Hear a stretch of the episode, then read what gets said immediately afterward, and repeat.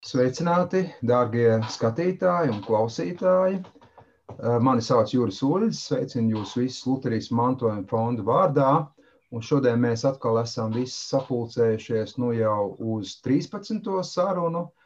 Un par cik uh, savā ziņā mums ir tāda tradīcija, ka uz Augsburgas ticības apliecības svētkiem, kurus Lutriskajā pasaulē plus mīnus svin vai nesvin, uh, 25. jūnijā mēs runāsim par kādu no Lutāņu ticības apliecībām. Un šodien mēs runāsim par šmalkauts artikuļiem. Un, protams, atkal mūsu vidū ir Valdemārs. Sveicināts! Sveiks, Jūrī! Un priecājos tevi sveikt 491. gada dienā kopš Augsburgas ticības apliecības nolasīšanas publiskas prezentācijas tev, Didzim sveicienu un, protams, mūsu skatītājiem un klausītājiem. Sveicināts, Didzi! Sveicieni visiem no Londonas, kur gan, protams, nožēlojamā kārtā valsts līmenī neviens Jāņus nesvin, bet nu, kaut kādā mājas kārtībā jau varam svinēt. Sveicināts Juris, sveicināts Valdemārs. Londonai ir uz ko vēl augt un progresēt. Bet, cik es saprotu, tu visu laiku gribi lidot, lidot, lidot uz Rīgu, bet nu nekādīgi. Nu, tā jau ir, jā, ka, laikam, kā saka, ka pandēmija ir spārnus, kā saka, apgriezis zināmā mērā aviolīnijām un arī lidot gribētājiem. Tā, ka, jā, sanāk būt piezemētiem, ļoti piezemētiem. Bet, nu, ceru, ceru, ka izdosies to, kur drīzumā arī Latvija apciemot. Nu, jā. Es jau sākumā pieminēju, ka mēs varētu runāt par, tām, par tiem saucamajiem šmalkauts artikuļiem un, un, un, un, un arī varbūt tātad Valdemār pavisam īsi, kas par ko, kas, par ko tu runās.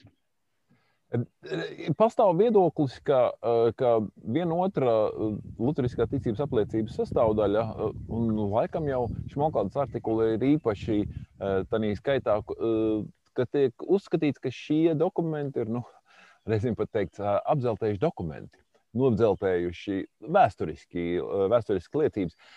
Bet es tomēr gribētu teikt, ka viņas ir tikpat aktuālas toreiz bija un arī tagad. Tāpēc es teiktu, ka es vairāk skatītos uz kaut kādiem tiltiem. Ne tikai mums, Lutāņiem, bet arī ārpus Lutheriskās kristietības. Jā, un man atkal, lasot šos smalkātus artikuļus, radās tāda, nu, faktiski es atcerējos vienu lietu, kad kad jebkurai principā jau konfesijai tās saucamās doktrīnas, jeb mācība, viņas nav kaut kā haotiski organizētas, bet viņas parasti ir ļoti strukturētas, un tur ir zināma struktūra. Piemēram, Lutāņiem ir viens artikuls, kurš ir saka, fundamentāls un pamatīgs artikuls, uz kā viss pārējais tiek būvēts, un par to es runāšu. Piemēram, savukārt katoļiem ir atkal kaut kāds cits pavisam artikuls, jeb, jeb tāds, tāda mācība, kas ir viņu centrā, un arī par to es bišķiņu runāšu. Un ko tu dīdzi? Jā, nu, es šodien varbūt tādās uh, iešu varbūt vairāk niansēs, par ko Šmalkaldas artikuli uh, runā. Iepriekš mēs esam runājuši, ka, nu, tradicionāli luterāņu attieksme, bet klosteriem ir bijusi salīdzinoši negatīva, vai viņi var būt noderīgi. Tomēr, galu galā, beig, beigās, un kādā veidā klosteri var būt noderīgi, par to runā šmalkārtas artikuli. Nav tik viegli izrunāt, nemaz. Nē, nē, nē. Tad vēl arī um, runāšu par ārējā vārda nozīmi. Ne? Jo beig beigās un galu galā tas, ko mēs darām arī šajā brīdī, mēs kaut ko komunicējam, mēs runājam, ir ārējais vārds iesaistīts. Varētu arī mēs parunāt mazliet par to, no kurienes rodas liekuļi un svētuļi. Ļoti nozīmīgs jautājums. Ne? No kurienes viņi ir radušies beig beigās un galu galā. Tas ir svarīgi. Tas Jā. ir svarīgi. Un gadījumā, gadījumā, ja mums pietiks vēl mazliet laika, tad arī parunāsim, ko Šmalkaldes artikuli runā par blēņām. Nu, kas ir blēņas? Jā, mums vajadzēja pirms šī ieraksta vingrināties un teikt šausliežu dzelzceļš. Šausliežu dzelzceļš. Un tad tie šmalkaldes artikuļi mums pavisam viegli izrunātos. Jā. Ok, Paldies, un es domāju, ka būt, dosim vārdu Valdemāram. Viņš mums varētu dot tādu tā kā ieskatu šajos artikulos, vairāk arī kaut ko no vēstures. Eh, paldies, Juri. Eh, es ļoti eh, ar nepacietību gaidu tālāko sarunas gaitu, jo jūs tiešām pacēlāt ļoti, ļoti interesantus tālākus tematus. Un es gribētu teikt, ka jūsu piedāvājumi pārdomām un uzklausīšanai kā reiz ir vislabākā liecība tam, ka šmalkaldas artikuli nav tikai un vienīgi vēsturiski dokumenti. Un šmalkaldas artikuliem ir daudz kas vairāk, ko šodien šeit, eh, mums, bet ne tikai mums, es domāju, arī citiem kristiešiem eh, un arī pat varbūt nekristiešiem ir vērts lasīt, pārdomāt un pārunāt. Pirmkārt, kas ir ļoti svarīgi par šmalkaldas artikuliem? Tas ir tāds posms, jāsaka, Lutheriskās reformācijas Eh, bet arī plašāka rietumu kristietības kontekstā, kad it kā ir izkristalizējušās trīs reformācijas daļas. Eh, tad nu, viena ir tā mūsu jau minētā Vitsenbergas vai Lutheriskā reformācija, kur galvenais, galvenais personāžs ir Mārtiņš Luters. Bet es esmu pilnīgi noteikti pārliecināts, ka lai cik uh, Dižens, eh, lai cik tomēr attīstīts, dāvanām un darba spējām bagāts bija Luters, viņš ne tuvu nebija vienīgais. Bet nu, tad ir šī viena uh, lielā reformācijas uh, laikā radusies daļa uh, rietumkristietībā. Tad, protams, ir uh, otra daļa, kas ir radusies reformācijas gaitā, un tie ir Romas katoļi, tie, kas seko pārsvarā Romas uh, pāvestā uh, Piederībai, ja tā varētu tā teikt, eh, saistīta ar šo vārdu vietu un eh, tam pakārtoto teoloģiju. Un tad jau ir teiksim, tāda radikāla reformācijas spārna daļa. Un tad Šmalkalda artikula rakstīšanas brīdī, 1538. gadā, Šie trīs ir diezgan skaidri sevi nopozicionējuši. Nav tā, ka nebūtu pa vidu telpa. Nē, nē, telpa bija liela, bet eh, tad, eh, šīs trīs eh, tad, tā, tādas kā trīkāja balsta kājas ir izveidojušās, un viņas ir diezgan skaidras. Un arī Šmalkaldas artikulos to ļoti labi var redzēt. Jo Luters galvenokārt runā par, runā par mācības atšķirībām ar šiem eh, pārējiem diviem reformācijas laikā tapušajiem novirzieniem. Eh, varētu vienīgi teikt, ka interesants būtu pētījums, kā ir ar eh, austrumkristietību, kas it kā neparādās. Bet es domāju, ka austrumkristietībai arī ir pietiekoši daudz dažādi virzieni, un, un, un detaļas, kas tomēr arī austrumkristietībai, es domāju, šo vienpartības grāmatas daļu padarīt arī interesantu.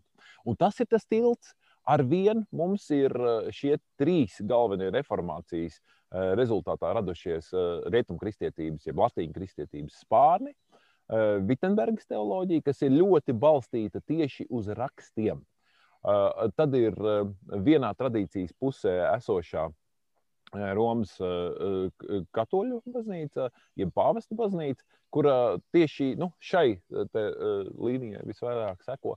Nu, tad ir dažādas es, mūsdienās nav pieklājīgi teikt radikāls, bet ir tātad formas, kuras atsakās varbūt no lielākās daļas vēstures, baznīcas vēstures, un, un iet savu atsevišķo ceļu.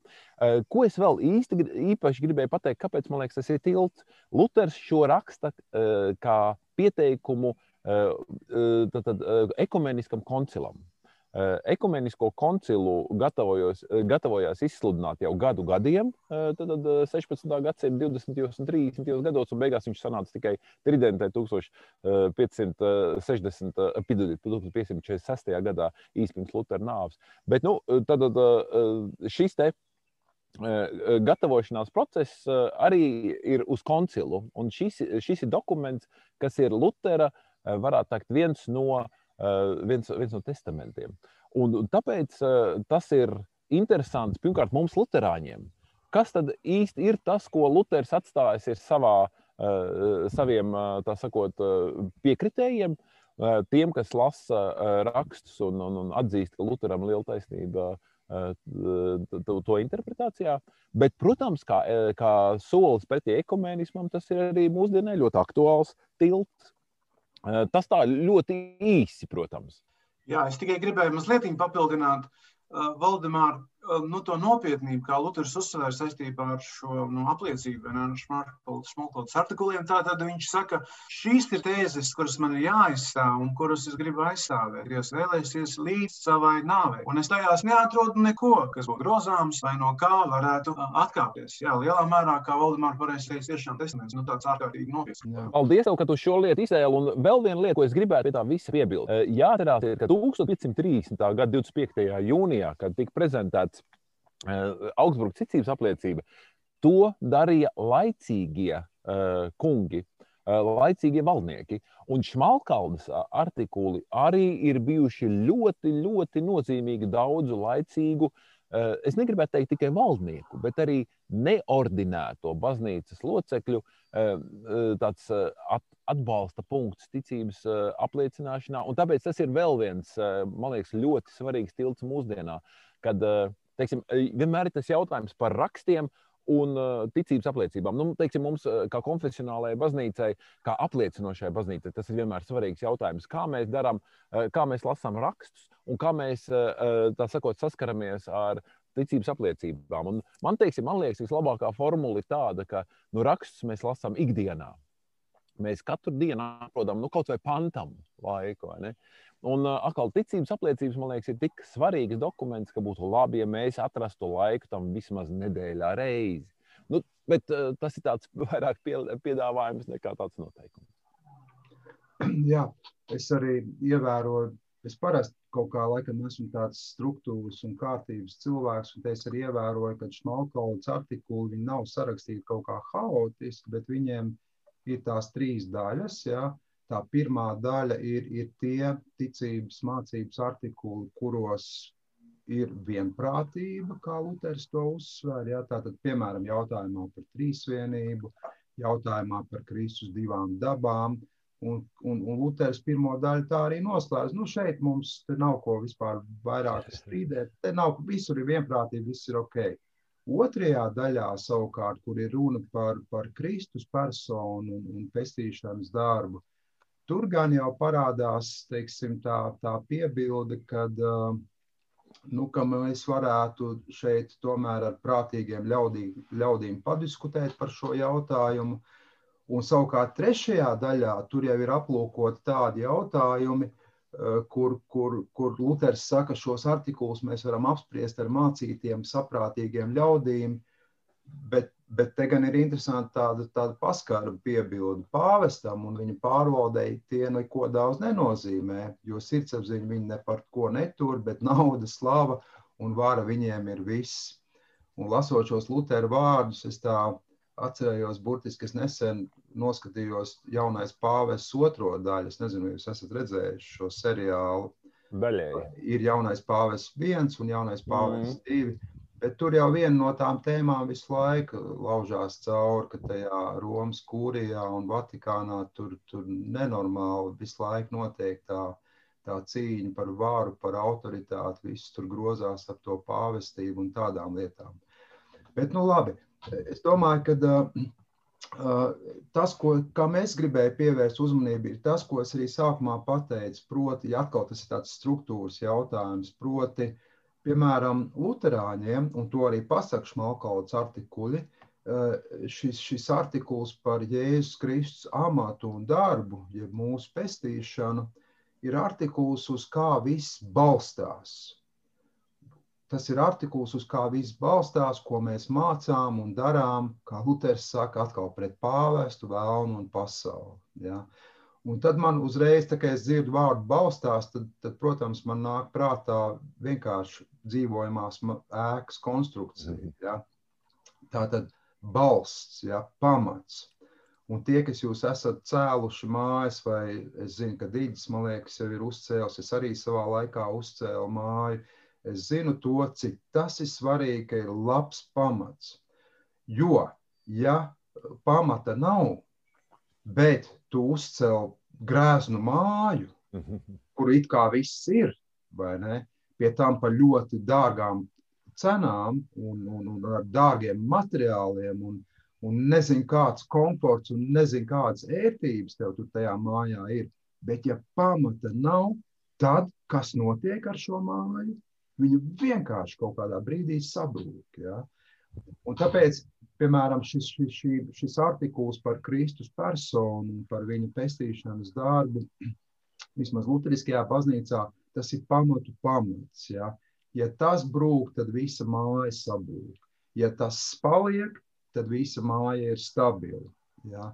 Pat ja, pat ja tā, tā virsbūve tai mājai tur nav varbūt īpaši izcila, no īpaši kaut kādiem, nezinu, ekskluzīviem materiāliem būvēta, tā māja paliek, viņa ir stabila. Ja?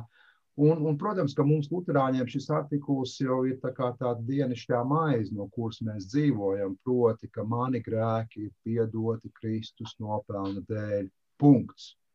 Āmen. Nekādu diskusiju. Vienīgi un tikai viņa nopelna dēļ. Bet šajā sakarā ir interesanti, piemēram, pastīties, kad, uh, un to jau arī uh, piemin arī Šmalkolts artikulu, tad, kad viņi tūlīt pāriet diskutēt par tā saucamo svēto misi Romas katoļu baznīcā, tad es ar tādu ātru acu uzmetu, ko saka, piemēram, portāls katolis.lv par svēto misi. Un tad man viens teikums, Svētā mise ir baznīcas dzīves sirds un virsotne. Atkal interesanti ja, ievērot, ka arī katoļiem tajā viņu doktrinālajā sistēmā ir kaut, kāda, ir kaut kāds viens artikuls, ir kaut kāda viena lieta, kas ir nu, tas, nu, tas kodols, ja, tā, tā būtība, tā sirds, tā, tā virsotne. Ja. Uh, pat, pat teiksim, Lutāņi mēs kādreiz runājam par taisnošanu ticībā, ka tas ir kā, ja teiksim, mācību šo ķermeni, salīdzināt ķermeni, tad, tad teiksim, šī, šī taisnošanas mācība ir kā sirds, ja, kas visu to ķermeni kustina, ja, un visi tie pārējie artikuli ir attiecīgi rokas, galva, kājas un tam līdzīgi. Nu jā, Un interesanti ir tas, ka, piemēram, ja katoļiem šī svētā mise ir baznīcas sirds un virsotne, tad no šmalkauts artikuļu viedokļa raugoties, svētā mise ir, nocitēšu, pati galvenā un augstākā no visām pārējām pāvesta elku pielūgšanām. Un pamatojums, jo tiek apgalvots, ka tāds upuris vai mīsas darbs atbrīvo cilvēkus no grēkiem, kā šeit, laicīgajā dzīvēm, tā arī šķīstītavas ugunīs. Mēs redzam, milzīgs kontrakts. No vienas puses, es saprotu, tas, ko tu Valdemārs saka, tiltu celšana un kaut kāds ekumēnisms un kaut kādas tādas sarunas ļoti labi. Par to nav stāsts. Un arī šajā otrajā daļā Luters starp citu piemin, un ja kaut kur atrastos prātīgi pāvest ļaudis, vajadzētu ar viņiem mierīgi un draudzīgi parunāt par šiem jautājumiem, vai ne? Bet tajā pašā laikā tas nostādījums, nu, es to izlasu kā ļoti tādu kontrastējošu. Ja? À, šī mācība par misi ir pilnīgā pretrunā ar mūsu galveno artikulu par taisnošanu ticībā Kristus nopelnu dēļ. Ja? Bet mēs labprāt, prātīgi eh, parunātu ar pāvestu ļaudīm, mierīgi un draudzīgi mēs to labprāt pārunātu. Ja? Interesanti viss tā tā viss tā, tā saruna, tā spēle. Un, protams, tas varbūt būs vairāk dīdži jautājums, ko viņš kaut kāds atsevišķs lietas gribēja izcelt, ja, bet man arī, piemēram, patīk tā atkal tā sistēmiskā domāšana, kas parādās šajā otrajā daļā, proti, kad jā, galvenais pamats ir taisnošana ticībā, svētā mīsa ir pretrunā ar šo mūsu artikulu, Un svētā misija ir radījusi vēl atkal skarbs teiciens. Šī puķa aste, šī mise ir radījusi veselu rindu dažādas augu kalpošanas mūģu un parazītu. Nu, spēcīga valoda, ja? Un tad tur ir vesela virkni uzskaitīta. Purgatorijas, svētceļojumi, klosteri, relikviju godināšana, grēku atlaides, svēto piesaukšanu – ja, kad arī tur, teiksim, Luters saskata to, ka viss šīs lietas ir ļoti cieši saistīts. Ā, svētā mise jums ir centrā, bet ap to svētā mise nebūtu nekas bez visām šīm pārējām lietām. Un savukārt visas šīs pārējās lietas nav nekas bez svētās mises, ja viss ir ļoti organiski un cieši saistīts. Jā. Jā, Juri, Juri, ja tev jautātu, ja tev jautātu, piemēram, nu, kas ir lielākā problēma ar, ar misiju, es saprotu, ka Augsburgas ticības apliecība arī parādās, ka mēs misiju neatceļam. Ne? Luterāņi paši saka, bet kas, kas nu, ja tu man, piemēram, prasītu, un es tagad tikai tā uzreiz bez sagatavošanās tur runāju, es domāju, tieši tas Jā. upurēšanas, upurēšanas motīvs, tā ir tā vislielākā teoloģiskā uh, problēma, kas misē parādās. Bet, nu, teiksim, tāda kā, tā kā, kā liturģija vai, ne, vai tā kā dievkalpojums mūsu izpratnē, nu, tā jau tā kā ir, ir paturama, vai ne? Nu, protams, bez svēto piesaukšanas un pārējais, kas parādās misē, bet vai, vai tu tam piekrīsti? Nu, jā, tā, tā galvenā atšķirība jau ir tāda, ka mēs jau arī svinam svēto misiju. Tikai jautājums, ko mēs tur iel, iel, ieliekam tajā saturā. Ja?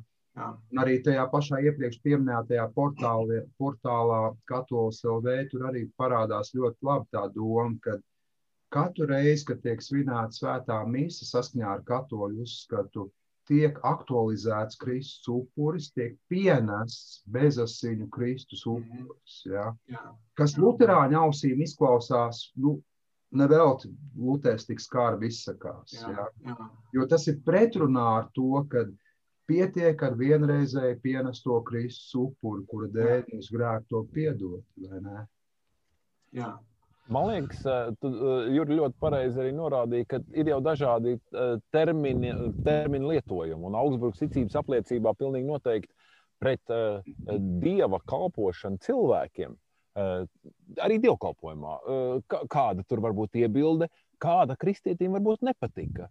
Pilnīgi noteikti jau no senākiem laikiem, ja mēs ar misiju saprotam to brīdi, ka mēs vienreiz vai vairāk reizes nedēļā pulcējamies, uzklausīt Dievu vārdu, baudīt viņa sakramentus, baudīt svēto sadraudzību, ko Dievs mums ir devis. Eh, es domāju, eh, tieši tāpēc jau arī Augsburgas ticības apliecība skaidri pasaka, ka ar, ar to mums visu, eh, mums nevar būt problēmas ar to. Savukārt, ja mēs runājam par to būtību, ka mēs kaut ko varētu pienest, ko Kristus jau ir izdarījis, nu, tā ir nu, tāda vismaz kosmiska izmēra augstprātība. Varbūt. Es nezinu, kā, kā tādu pieklājīgu labāku vārdu atrast. Ja, ja tu uh, savā iedomībā domā, ka tu vari Kristus upuri atkārtot, nu, kur tad vēl augstāka, augstāka alkalpība, sevi liekot Dieva vietā? Tāpēc arī man liekas, tur tik milzīga tā, tā cīņa pret. Jā, jā. Es domāju, ka tagad varētu arī Digim ir kādas lietas, ko viņš varētu turpināt, jo vairāk jau tādās detaļās, cik es saprotu, varētu jau ieiet. Jau.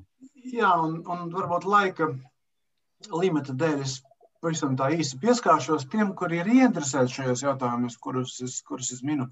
Um, ir, protams, aicinājums um, izlasīt pašus artikulus un precīzi pastīties ar visām uh, zemesvītras piezīmēm, kā saka, ar visiem citātiem no svētajiem rakstiem, kas ir balstīti, ko mēs visi varam redzēt. Bet no, es pavisam īsumā par šiem tematiem, kurus iepriekš minēju.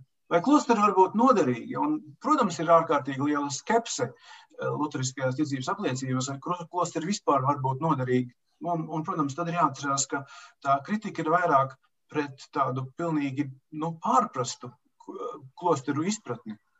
Um, un uh, šeit ir kaut kas pozitīvs par klosteriem, ko mēs lasām artikulos. Garīgās apvienības un klosteri, kas senos laikos tika dibināti ar labu nodomu, audzināt mācītus vīrus un likumīgas sievietes, būtu atkal jāiekārto, lai tur audzinātu mācītājus, sludinātājus un citus baznīcas kalpotājus, kā arī dažādas vajadzīgās personas laicīgai valdībai pilsētās un laukos. Un šeit tas uzreiz redzams pilnīgi cits koncepts, kā, kā artiklu runā par, par klosteriem. Nevis kaut kādā veidā, lai um, koptu kultivētu un tam līdzīgi uh, cilvēka svētdzīvi kaut kādā veidā, tā sakot, mēģināt tikt, palikt svētākam, svētākam nekā apkārtējā vide ap klosteri, tā sakot, ir uh, tas koncepts tiek totāli un pilnībā noraidīts saistībā ar klosteriem, bet, nu kā, nu, nu ja tās ir nu, ēkas, ēkas, augas, nu, izmantosim viņus labiem nolūkiem. Aucināsim mācītājus, sludinātājus, citus baznīcas kalpotājus, un kas ir ārkārtīgi interesanti. Protams, Luters redzēja, ka Dievs kalpo caur cilvēkiem, arī mums katram, ne, un arī caur laicīgo uh, valdību pilsētās un, un, un laukos. Aicinājums jau mums ir laicīgs tādā ziņā, vai ne? Mēs, mm. mēs šajā pasaulē strādājam, nu, bieži vien laicīgos amatos, un absolūti nekā slikta ar to nav. Dievs strādā ar cilvēkiem, ar laicīgajām varām un, un valdībām. Uh, un, jā, drīkst vien iekrāsojumi te, tevis sacītiem. Jāatcerās ir tas, ka tā laika klostera dzīve bija paraugs arī, teiksim, studiju un mācību vidē. Tad, tad Luters šeit neko jaunu nepasaka. Viņš vienkārši pārapstiprina jau esošu praksi, kuru pats viņš visticamāk kaut vai studiju gados, arī kad viņš vēl nestudēja teoloģiju. Viņš bija piedzīvojis, ka tas ir tāds laiks, kad cilvēki dzīvo gandrīz tādā kazarmu tipa režīmā, un var nodoties mācībām. Nevis Jā. kā nereti mūsdienās, jaunie cilvēki vairāk nododas nemācībām. Piedod, tikai gribēju iekrāsot. Jā, tas gan jā. Un, un es domāju, tas, kas caurvīja arī Lutheriskās ticības apliecības, ir tas, ka Luthers tik ārkārtīgi stingri iestājas pret cilvēku sadomāto dievkalpošanu, mm. ne, ko cilvēki ir ieviesuši. Un cilvēki ir ļoti kreatīvi. Ne, tādā ziņā dieva līdzība mūsos pēc dieva tēla un līdzības, vai ne, ka dievs ir radošs, visu radīja, mēs jau arī esam radoši. Ne, bet tad mēs radām vis, visādas lietas, izdomājam, izfunkcionējam paši kādā veidā dievu būtu labāk pielūgt, un, un tad arī pēc tā paši izdomājuši, tad arī vadāmies. Vai ne, un pret to Luters ļoti stingri vērsās. Ja garīgi garīgas mm. apvienības un klosteri tam negrib kalpot, proti, iepriekš minētajām lietām, tad labāk tos ir pamest vai nojaukt, nekā mm. tos ar viņu zaimojošo cilvēku sadomāto dievkalpošanu uzskatīt par kaut ko labāku nekā parastā kristiešu dzīve un dieva iedibinātie amati un aicinājumi. Spēcīgi vārdi, labi teikts. Mm. Paldies, Mārtiņ! Nākošais, ko mēs redzam, ko es gribēju arī īsumā iezīmēt, tikai ir, ir šī. Jā, vēl pa klosteriem. Tad, tad, nu, ah, labi, labi, labi. Kā mums patīk šis temats? Jā, jā, jā, jā. Man, es burtiski nesen lasīju tādu jaunu grāmatu, ko izdeva Reformāta baznīca Latvijā. Viņa saucās Mīla savu ķermeni, un tur tiek aplūkot visi tie saucamie topiki par tām visām lietām, kas ir saistītas ar cilvēku seksualitāti, ja, kur laulības pārkāpšana, ārpus laulības akta, arī transvestīstisms, atkal man vēl nav pamodusies, un tam līdzīgi. Ja. Un tur autori vienā vietā labi domu piemin. Viņi saka, žēl, ka luterāņiem vairs nav klosteru. Jo, jo, piemēram, ir taču daudz cilvēku, kas ir atraitņi, atraitnes vai neprecēti, kas arī īsti negrib precēties un nevar atrast savu laulāto partneri. Ja? Uh, Un es domāju, tas ļoti labi sasaucās ar to, ko, ko mm. jūs arī abi teicāt. Ja, kad atkal vienmēr ir jautājums, ko mēs saprotam vārdu klosteris, ja, mm. ko tur mm. dara tie cilvēki. Ja. Un tu dīdz aizmirst pieminēt vēl vienu interesantu lietu, kam ir klosteri domāti, lai labi audzinātas jaunavas mācās par mājas mātēm un saimniecības vadītājiem. Piemēram, ja. Tā kā Tas, paldies, es tikai tādu īsu piebildīju. Jā, piedod. jā, jā, jo arī mums visiem ir laika spiediens, tādēļ es arī mazliet to citātu saīsināju. Bet paldies par papildinājumu. Bet es domāju, ka ārkārtīgi aktuāli mūsdienās, nu tas ir, es, es, es nevaru um, to tā sakot, pa mazu uzsvērt, bet nu, kādā veidā, nu, kādā veidā svētais gars ir Dievs nāk pie mums. Un, Šmalkaldas artikuli ir ārkārtīgi precīzi tādā ziņā, sakot, ka nenāk svētais gars kaut kādā veidā pie mums klusumā, vai kaut kādās iedomās, vai tēlos, vai, vai kaut kādās, ko mēs esam sasapņojušies, vīzijās vai tam līdzīgi, bet Dievs nāk pie mums, svētais gars nāk pie mums caur ārējo izrunāto uh, vārdu. Un Šmalkovs artikli lieto ļoti, ļoti precīzi. Varētu daudziem šis arī skarba valodu, bet viņi ļoti precīzi to pasaka. Un lietās, kas attiecas uz runāto ārējo vārdu, ir stingri jāpaliek pie tā, ka Dievs nevienam nedod savu garu vai žēlastību citādi, kā vien caur vai ar iepriekš runāto vārdu. Ar to mēs aizsargājamies pret jūsmotājiem. Tas ir pret gariem, kas dižojas, ka viņiem ir gars pirms un bez dieva vārda, kuri tādēļ pēc savas patikas vērtē skaidro un staipu svētos rakstus vai, vai runāto uh, vārdu. Un vēl vienā citā vietā pavisam labāk ir pateikts, vai ne? Uh, pāvestība viena vienīga jūsmošana, Oh, jā, kur Pāvils dižojas, ka visas tiesības ir ieslēgtas viņa sirds dziļumos, un ka tam, ko viņš izlēma par savu baznīcu un ko tai pavēl, jābūt garam un patiesībai. Kaut arī tas ir pāri un pret svētajiem rakstiem un sludinātajiem vārdiem. Tātad tas, tas tā iezīmē to tematu, un tad viņš saka, ka tas viss ir tas pats vecais valns un vecā čūska, kas arī Ādamu un Ievu pārvērta par aplamiem jūsmotājiem un novirzīja prom no Dieva ārējā vārda uz spiritualizēšanu un pašu iedomām un to tomēr paveic ar ārējiem vārdiem. Šo, šis tas tomēr to paveic ar ārējiem vārdiem, tas ir ārkārtīgi būtiski un, un zīmīgi, ka jebkura mācība, arī mācība par to, ka tev kaut kā iekšā klusumā ir jāsajūt svētais gars, ka svētais gars nāk pie, pie tevis klusumā vai pašās iedomās vai meditācijās iekšējās, tā sakot, un, un tam līdzīgi. Tas viss tāpat ir jāpasludina. Tas viss tāpat ar ārējo vārdu ir citiem jāstāsta.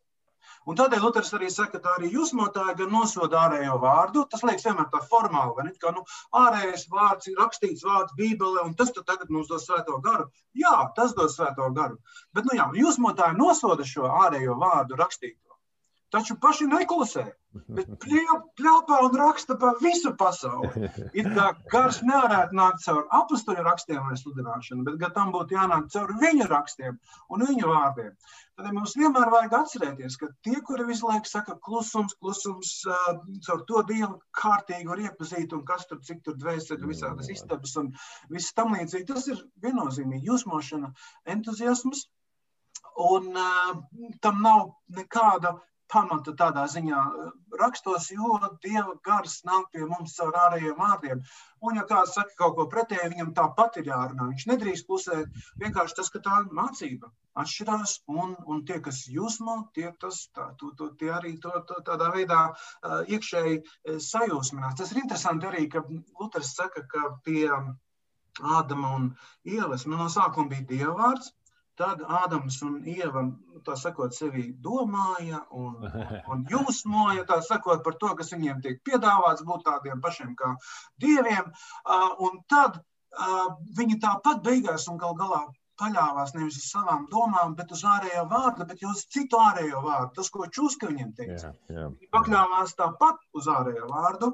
Mācība bija pilnīgi savādāka visa agonija, kurai cilvēks tagad iet cauri pēc grēkā krišanas, ir, ir tādēļ īstenībā, ka viņi nu, paklausīja vārdu ārējo, bet tas bija cits vārds, tas nāca no čuskas, no, no sātena. Tā ir tā lielā problemātika, un to ir ārkārtīgi būtiski saprast, ne, ka, ka Dievs nāk pie mums cauri, runātu, kaut vai arī rakstītu, bet jau visiem pieejamu ārēju, ar uzsvaru uz ārēju uh, vārdu. Jā, un vēl pavisam īsi. Es gribēju jums jautāt, un jūs jau noteikti to zinat, vai ne? Bet no kurienes tad rodas liekuļi un svētuļi? Un lielā mērā jau varētu teikt, ka arī tā negatīvā lieta, kas saistās ar klosteriem, ir tas, ka tā ir tāda kā uh, fabrika, rūpnīca, ražotne uh, attiecīgās kategorijas cilvēku, jeb ticīgo, proti liekuļu un svētuļu. Pavisam īsti atbildi, no kurienes viņi rodas? Citi kļūst akli un augstprātīgi un iedomājas, ka viņi paši ar saviem spēkiem ievēro un spēj ievērot bauslību.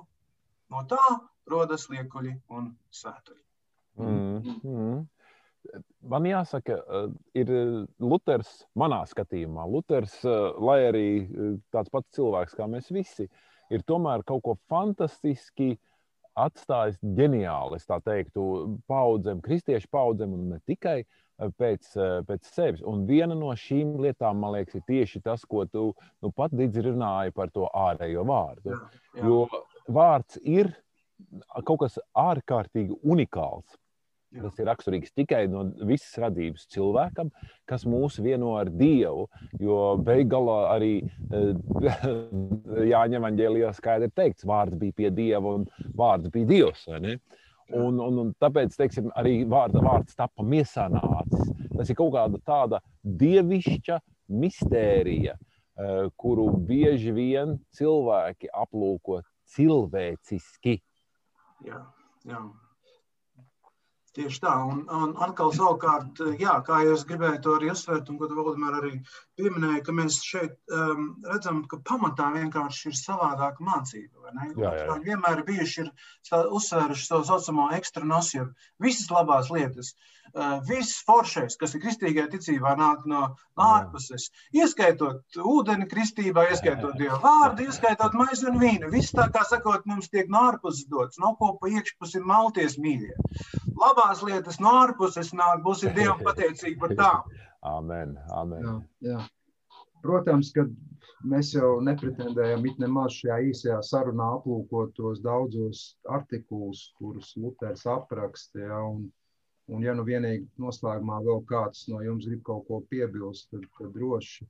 Man, piemēram, vēl likās interesanta lieta, kas man tā iekrita acī, piemēram, tas artikuls par priesteru laulībām. Uh, Un tur tāda interesanta lieta, es tā agrāk to pat nebiju piefiksējis. Viņš saka, tā, Luters, tāpat kā ne mums, ne viņiem nav dota vara no vīriešu kārtas būtnes, izveidot sieviešu kārtas būtni. Jā.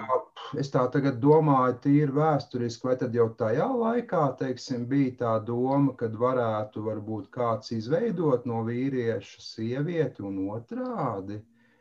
Un tad Luters saka, nu, tāpat kā mums nav tāda vara dota, vai, tāpat arī mēs varam likvidēt, kā viņš saka, abu dzimumu atšķirības. Tāpat viņiem arī nav bijušas tiesības šķirt šos dievu radījumus vai aizliegt tiem godīgi dzīvot vienam ar otru laulībā. Tātad es saskatu 16. tas ir tas, ko Valdemārs saka par tām nodzeltējušām lapām. Ja? Hmm. 16. un 21. gadsimta starpība nekāda. Visas šīs seksualitātes lietas, viņas joprojām te ir. Ja? Un, un kāpēc Luters piemin par to vīriešu kārtas pārveidošanu par sieviešu kārtu? Tas tāds, man liekas, interesants vēsturisks jautājums. Es nezinu atbildi uz šo jautājumu, vai arī toreiz jau bija tādi centieni. Protams, Luters pasaka, ka tas ir pilnīgi bezjēdzīgi, līdzīgi kā pilnīgi bezjēdzīgi ir aizliegt priesterim dzīvot laulībā ja, kas mm. rada nenormāli daudz problēmas pašā katoļu baznīcā, kā mēs to zinām tagad. Jau, jā. jā, nu labi, tas no manas puses tikai tādu pie, piebildīt. Bet es domāju, tā ir ļoti svarīga piebilde. Tas ir ļoti svarīgs jautājums, jo uh, cilvēki bieži vien paskatās savā rokā, viņiem ir teiksim, uh, viedtāruns. Tad viņiem liekas, ah, ko tad nu tie vecie zināja. Mm. Bet uh, tad, tiem, kam ir bijusi iespēja teiksim, pastaigāt pa to pašu, teiksim, man nav bijis iespēja būt Pompeja drupās, bet es esmu dzirdējis, tas ir fantastiski ko tas senais cilvēks varēja sasniegt, kas mums reizēm ir gandrīz nesasniedzams. Ar visu mūsu, eh, tā sakot, eh, mūsdienās, eh, tā pierasta pēdiņās, sakot, ar mūsu progresivitāti. Tas cilvēks ir dievišķi, dievišķa radība un tik ļoti daudz ko spējīgi izdarīt savā laikā ar saviem rīkiem, vai ne pieejamajiem. Un viņš nebūtu nav dumjāks bet uh, viņš ar vienu tas pats cilvēks. Senais cilvēks un mūsdienu cilvēks. Un tās problēmas viņam ir tās pašas. Tāpēc arī tik ārkārtīgi svarīgi ir, ka labas grāmatas, labus avotus, labus autorus mēs nevis aizmirstam, bet par tiem atkal un atkal runājam. Jā.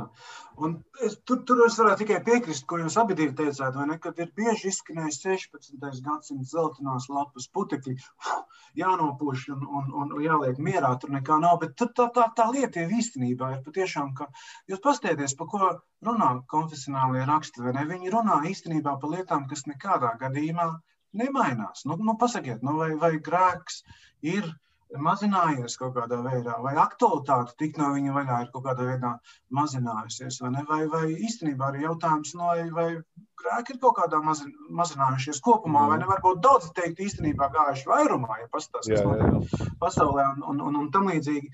Tā, tā, tā, tā ka, kas īstenībā ir vairāk jāpierāda. Mums jau īstenībā nav jāpierāda. Tiem, kuri saka, ka tā ir zeltaina uh, grāmata, zelt, ar zeltainām lapas pusēm, jāpierāda, ka tie jautājumi ir zaudējuši aktualitāti. Un es domāju, mēs visi gribētu diezgan tā stipri uzsvērt, viņi nav zaudējuši nekādā veidā. Tas, ka ir cilvēki kaut kādā veidā citādi interpretējuši, un tam līdzīgi tas neko nenozīmē.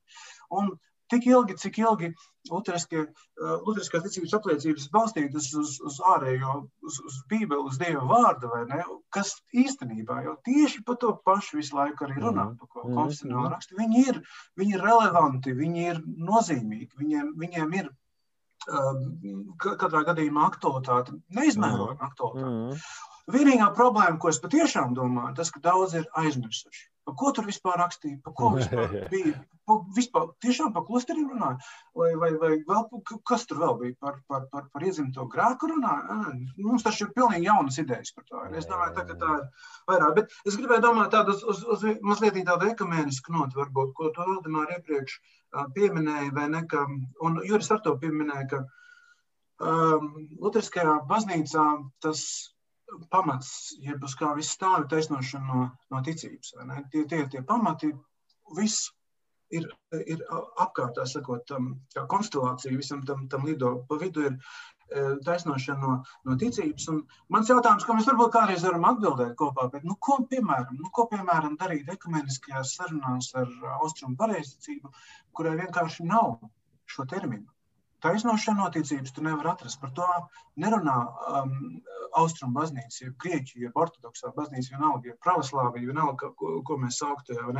Kādā veidā tad um, ekumenisko un, dialogu veicināt, tas sakot, iztrūkst. Nu, viņi saka, ka tas bija Augustīns, Anselms un Luters, kurš par to runāja, ne, bet, bet aizmirst romiešu vēstuli un galatiešu vispār, kā viņas ne, nebūtu, un kā tur pat tiešām pat taisno šo jautājumu par taisnošanu no ticības, tā sakot, Pāvils neadresētu, ja par to nerunātu. Bet, nu jā, mums laikam laika limits tuvojas beigām. Jauki, paldies, mīļie klausītāji un skatītāji par, par uzmanību, paldies par sarunu. Prāni, paldies, Juri, paldies, Valdemār. Jā. es tomēr gribētu vēl tomēr noslēgt ar to, ka, piedod, eh, vēl papildināt.